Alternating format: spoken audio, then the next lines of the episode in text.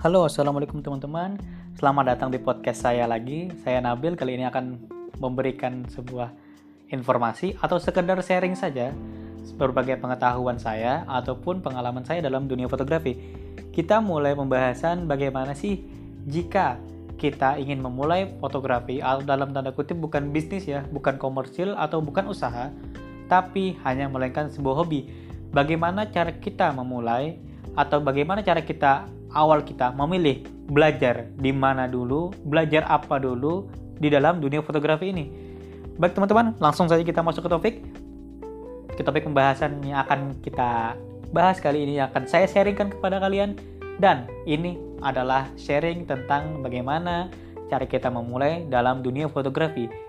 Tapi bukan dalam dari segi bisnis, melainkan dari segi hobi. Dari segi hobi apa saja sih yang harus dipelajari? Yang pertama, kalau dari hobi saja yang harus kita kuasai, yang tidak lain dan tidak bukan adalah kamera kita sendiri. Bagaimana kita bisa memotret jika kita tidak menguasai kamera kita? Terutama bagi para fotografer pembaru ini atau pemula atau orang-orang baru yang ingin belajar fotografi, tentunya bingung. Kita ini mau belajar apa dulu?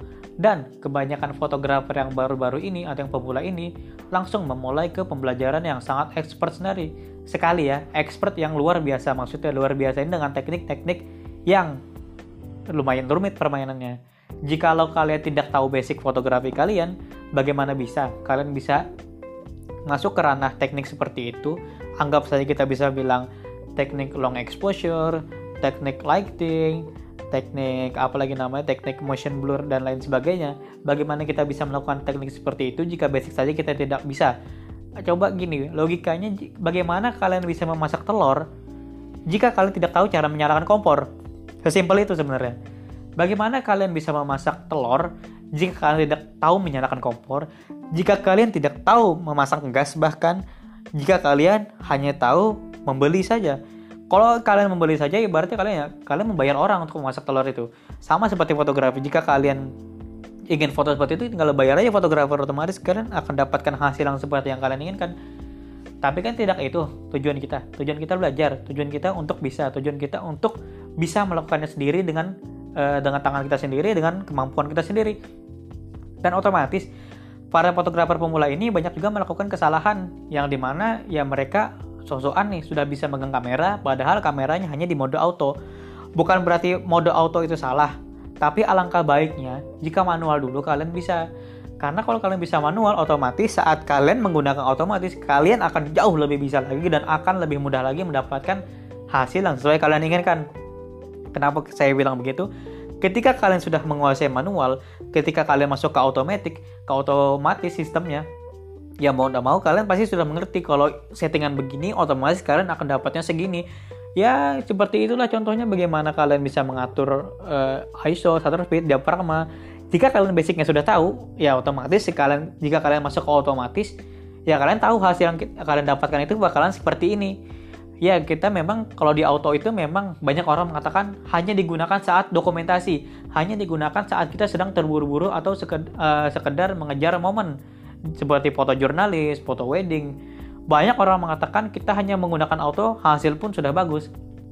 Saya tidak menyalahkan dan saya juga membenarkan. Tapi perlu diingat, tidak semua auto itu langsung bagus jika kalian tidak mengerti basicnya. Karena orang yang hanya tahu auto, auto, auto, auto tidak akan mengenal manualnya, ya otomatis kalian juga akan bingung di suatu saat hari, di kemudian hari. Kalian akan bingung kok bisa begini ya, kok bisa begini ya, kok kok ketika aku ingin mengulang hasil seperti ini, ingin mendapatkan hasil yang seperti ini, kok nggak bisa ya? Salahnya di mana? Ya salahnya kalian tidak tahu manualnya, bagaimana kalian bisa mengoprak-aprik, eh, bagaimana kalian ingin menciptakan hasil yang seperti ini, sedangkan kalian tidak tahu teknik yang kalian lakukan karena kalian hanya menggunakan mode auto, tidak menyalakan auto. Tapi jika kalian ingin mengulang hasil yang sama, itu akan jauh lebih susah karena apa? Kalian tidak mengerti uh, dasarnya, basicnya ya kalian tidak mengerti. Ya itu tadi kalian tidak mengerti cara menggunakan manual mode dalam di uh, dalam mode dalam mode di kamera kalian sendiri. Ya gimana ya kalau disebutkan ya? Contohnya itu kayak ibarat nih, misalkan kalian belajar matematika, kalian tidak tahu hitung-hitungannya, satu tambah satu sama dengan berapa? Kalian tidak tahu ibaratnya ya. Kalian satu tambah satu sama dengan dua dapatnya dari mana pun kalian tidak tahu. Karena apa? Ya kalian langsung dari kalkulator. Karena apa? Jikalau nih kalian tidak mengerti tambah kalian tidak mengerti apa itu kali kalian tidak mengerti apa itu kurang bahkan kalian tidak mengerti apa itu pembagian ya kalian juga akan bingung kenapa hasilnya bisa seperti ini, kenapa bisa begini, kenapa bisa begitu. Kok satu tambah satu sama dengan dua, sedangkan satu kali satu sama dengan satu, dan satu kali dua sama dengan dua, satu tambah dua sama dengan tiga. Kalian pasti akan bingung, kok bisa hasil seperti itu? Ya karena kalian tidak mengerti dasarnya.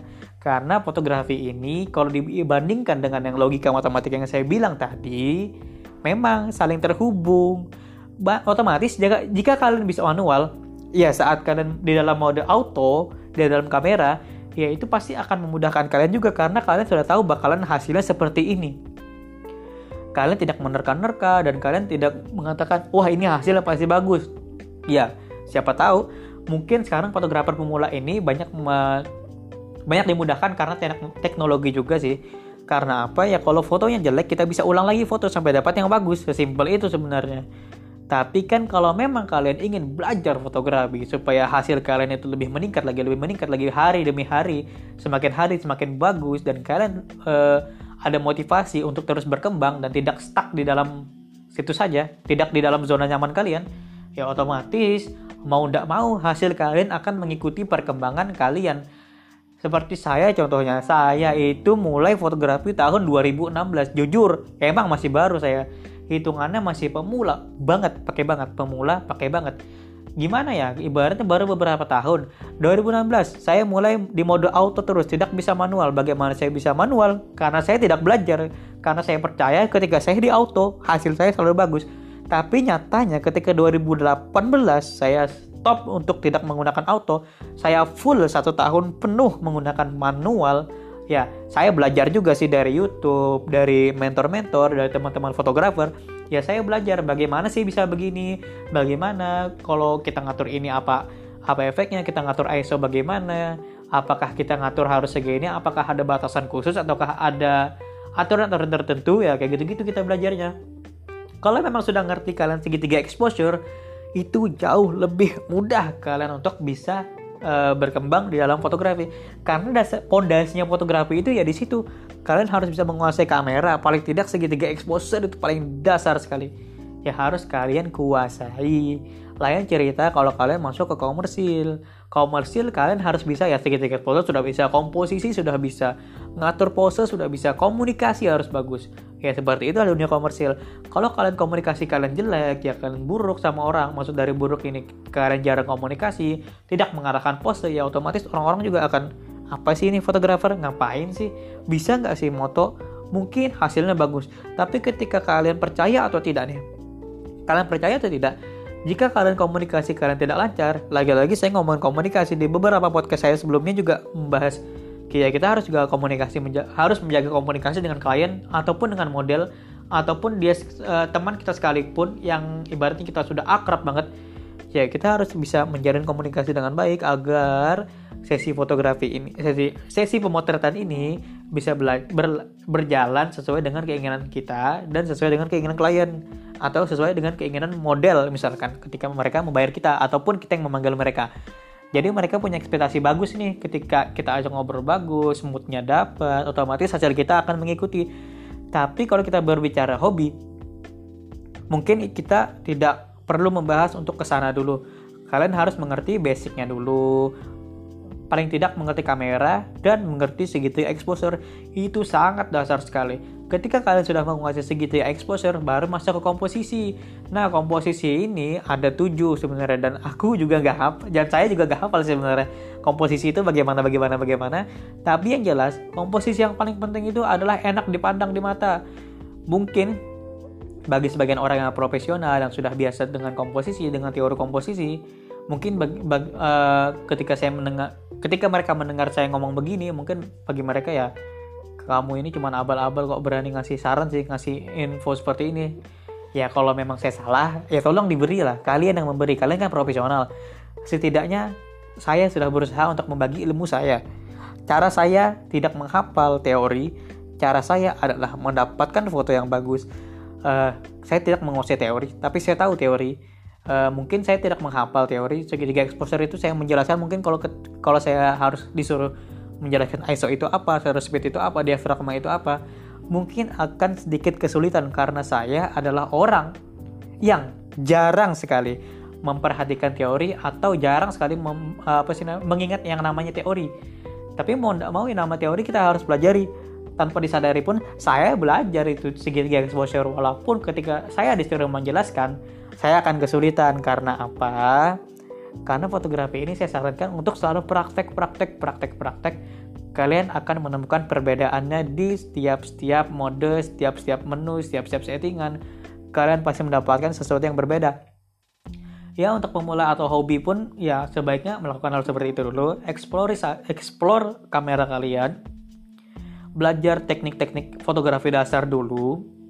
Ketika kalian sudah mampu atau merasa kalian sudah cukup nih sudah bisa tingkatkan lagi tingkatkan lagi sama seperti sekolah lah. Kalian sekolah nggak mungkin kan tiba-tiba langsung uh, ibaratnya kelas SD nih tiba-tiba kalian langsung di kelas 6 kan tidak mungkin. Pasti kelas 1 dulu bertahap sampai sampai 2 3 4 5 dan sampai 6 dan lulus tentunya. Ya itu kan bertahap. Jangan langsung uh, serakah atau ambisius langsung ke tempat-tempat tertinggi nggak bisa. Kita harus mulai dari bawah dulu pelan-pelan pasti bisa kalau kalian konsisten dan tekun otomatis ya kalian mendapatkannya dengan cepat juga. Ya ibaratnya kalau kalian sudah paham ya ngapain lagi belajar di situ kan? Kalian bisa naikkan tingkat lagi tingkat kalian itu di mana. Misalkan kalian hanya sekarang nih ibarat baru segi, segitiga exposure. Ketika segitiga exposure kalian sudah bisa masuk ke komposisi. Komposisi sudah dapat kalian masuk ke angle. Angle sudah dapat kalian harus mengerti cahaya lagi. Cahaya sudah dapat ya kalian harus me, uh, apa sih namanya belajar komunikasi lagi ketika komunikasi kalian kalian rasa sudah bagus ya kalian harus belajar pose ketika kalian bisa mempose sebuah model uh, seorang model ataupun sebuah produk kalian bisa atur setting seperti uh, layaknya profesional, ibaratnya kalian masih amatir atau pemula, ya otomatis kalian sudah sanggup nih masuk ke dunia komersil, tidak hanya di hobi. Mungkin kalian masih menganggap ini kerjaan sampingan karena kalian punya kerjaan yang lain. Ya tidak masalah lah ya. Yang penting kan namanya hobi kalau menghasilkan ya pasti senang juga kan kita. Ya gitulah namanya kehidupan dunia fotografi. Kalian harus belajar seperti itu. Langkah demi langkah, step demi step ya kalian harus pelajari dengan perlahan sih, jangan terlalu buru-buru. Memang setahun cukup untuk belajar basic. Tapi untuk latihannya ya nggak cukup setahun. Jujur aja aku latihan udah lama juga sih. Kalau dihitung-hitung latihan ya. Kalau belajar sih ya terus-terus belajar aja tiap hari ya namanya terutama komunikasi ya. Komunikasi kita nggak mungkin bisa cepat kecuali emang kalian adalah orang yang sudah biasa komunikasi di depan banyak orang banyak atau komunikasi dengan orang baru. Nah ini yang biasanya tidak semua orang punya kemampuan ini. Termasuk saya. Saya tidak punya kemampuan untuk berkomunikasi dengan orang-orang baru. E, ibarat komunikasi dengan orang baru gini tidak bisa langsung cair gitu loh.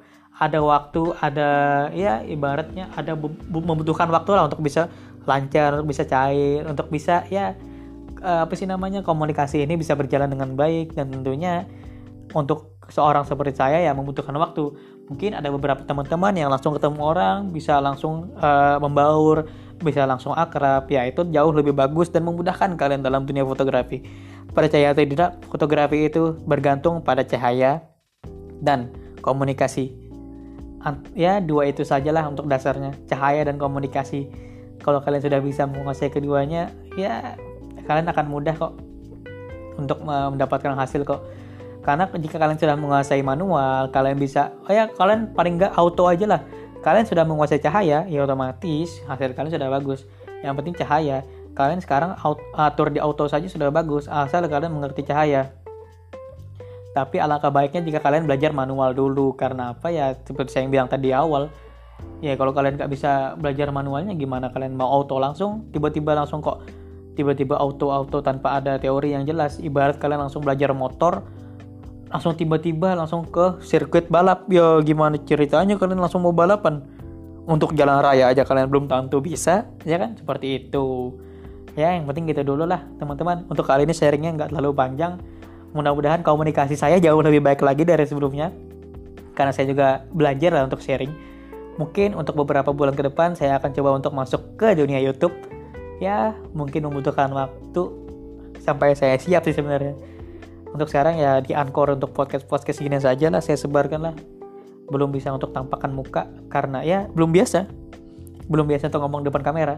Kebiasaannya di belakang kamera terus dan memegang kamera. Ya kebiasaan fotografer lah.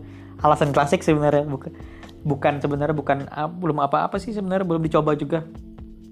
Ya insya Allah bulan depan lah sudah saya usahakan untuk masuk ke dunia YouTube dan untuk sekarang terima kasih teman-teman yang sebelumnya untuk pendengar yang untuk yang uh, yang tetap stay di podcast ini. Memang tidak banyak nonton ada 10 sampai 20 orang aja.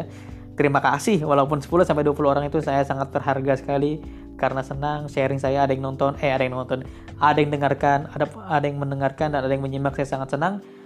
Ya saya, saya tidak tahu sih apakah kalian mendengar sampai habis atau tidak. Ya setidaknya dalam data data itu saya dapatkan ada 10 sampai 20 orang yang mendengarkan podcast saya. Terima kasih untuk waktunya. Mohon maaf apabila ada salah kata, apabila ada kata-kata yang selalu terulang. Ya, lagi-lagi saya harus katakan saya masih baru di sini. Saya mencoba untuk bisa.